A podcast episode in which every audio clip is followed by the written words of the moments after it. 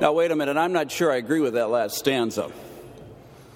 That's pretty dark and depressing, even for a lifelong Lutheran. We fly forgotten as a dream? Hey, I want to be remembered, at least by my children, maybe for a day, maybe for a whole generation, if not two. But after that, well, maybe we are forgotten. So it goes with the passing of time. Like sands through the hourglass, so are the days of our lives. At least let me live a little longer, another day or two, a couple more years. Whatever happened to those guys with those almost thousand year lifetimes? You know, Methuselah and his generations. I want to live long enough to be remembered. But remember this God does not forget us. Another day, another thousand years, He knows our name. He calls us by name. He is the same yesterday, today, and forever. He is indeed the Lord of all history. Creator, Redeemer, and Judge. Our lives may pass, may come and go like the passing of a dream or the passing of the day or a thousand years. It's all the same to God. His word endures forever. And He has a day. It's His day, the day of the Lord hear what Isaiah has to say about that day, if you prefer a homologoumena text, or even better, an Old Testament text, not just Second Peter.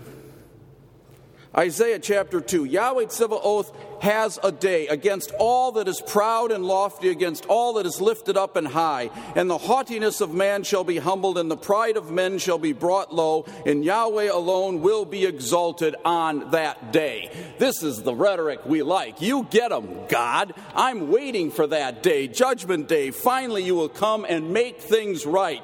Come and clean house against all the proud and mighty against all who care only about themselves, who pervert your name and don't care about your values. Great sermon, Pastor. You really told them what they need to hear. But woe to you, Amos says, about the same time as Isaiah. Isaiah would agree Woe to you who desire the day of the Lord, for it is a day of darkness and not light. You think it's good for you because it's bad for others. But look again. Judge not, and you will not be judged, lest you be judged. You too will stand among those poor, miserable sinners who indeed deserve nothing but punishment at the great and terrible day of the Lord. But here Isaiah again, some verses later in the same sermon, chapter 4 In that day, the day of Yahweh, the branch of Yahweh will be beautiful and glorious, and the remnant of those left in Zion and Jerusalem will be called holy. Everyone who has been recorded for life in Jerusalem when the Lord shall have washed away the filth and cleansed the bloodstains by a spirit of judgment and a spirit of burning. How is this that the day of Yahweh's judgment is both a day of destruction and wrath and a day of salvation? Well, we know the answer to that. It's so obvious. It's one of those great exegetical yes is. It's all of the above. It's clear and obvious to us, of course, that Christ has died for the sins of the world, but not so much for the rest of the world. For them, Judgment Day is a day of, well, judgment. But God has already come to judge the world and all of us as well. But He has come and done so in Christ. Upon Christ, through Christ, on Christ, on Him was laid the iniquity of us all. There is your judgment day. But there is also the day of salvation, the day of resurrection. He is risen. That day of resurrection has come. Earth, tell it all abroad. And we who are baptized into the death and resurrection of Christ already live beyond the judgment day. Death, then life, judgment, salvation. Christ has died, Christ is risen. Even as we wait for the day of the Lord to come again. And the world watches and wonders. Actually, they don't really watch and wonder, they don't care. They are more the scoffers and the doubters.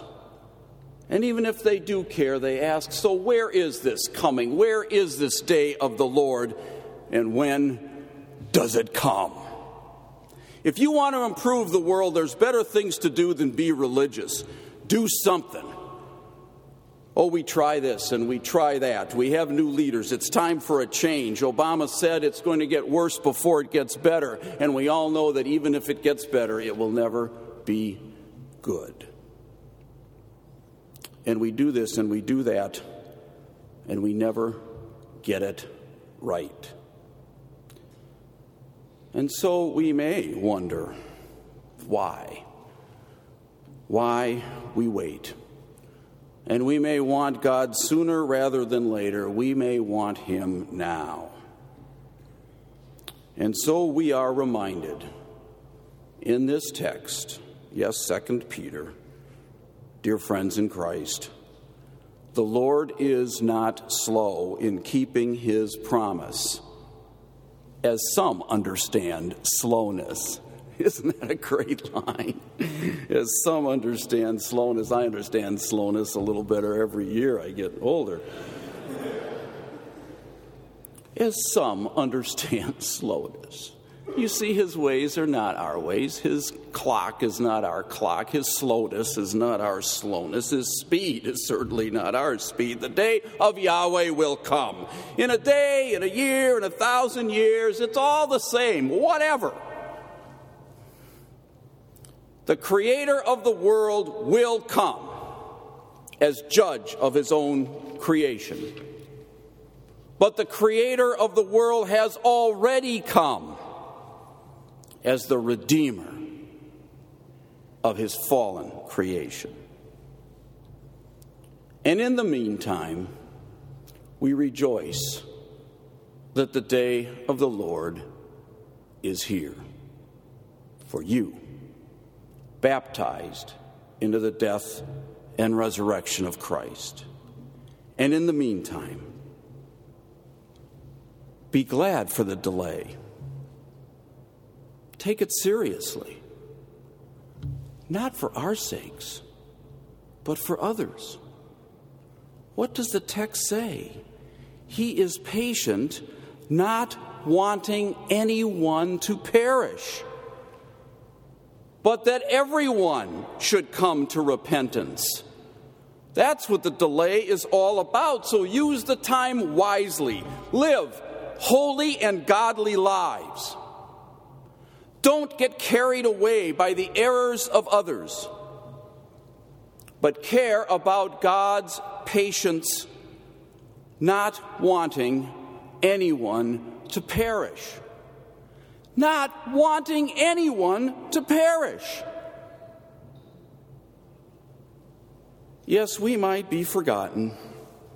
In human memories, our days and our years might pass forgotten like a dream.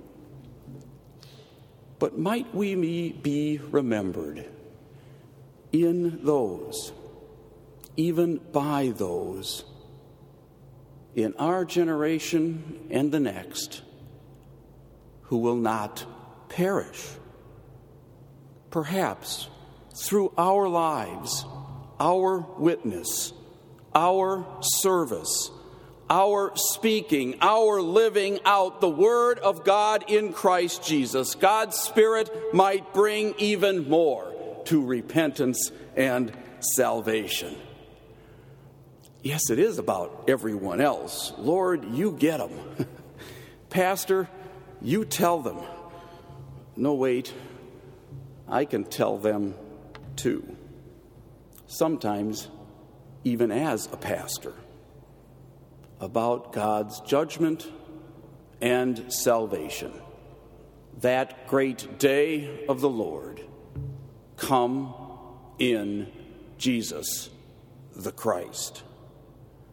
Christ has come, Christ has died, Christ is risen, and Christ will come again. In a day, in a thousand years, whatever, whenever. But the day of God's salvation has come for all the world to know. Even as we wait in God's patient, good time for Him to come again. In the name of the Father, and of the Son, and of the Holy Spirit. Amen.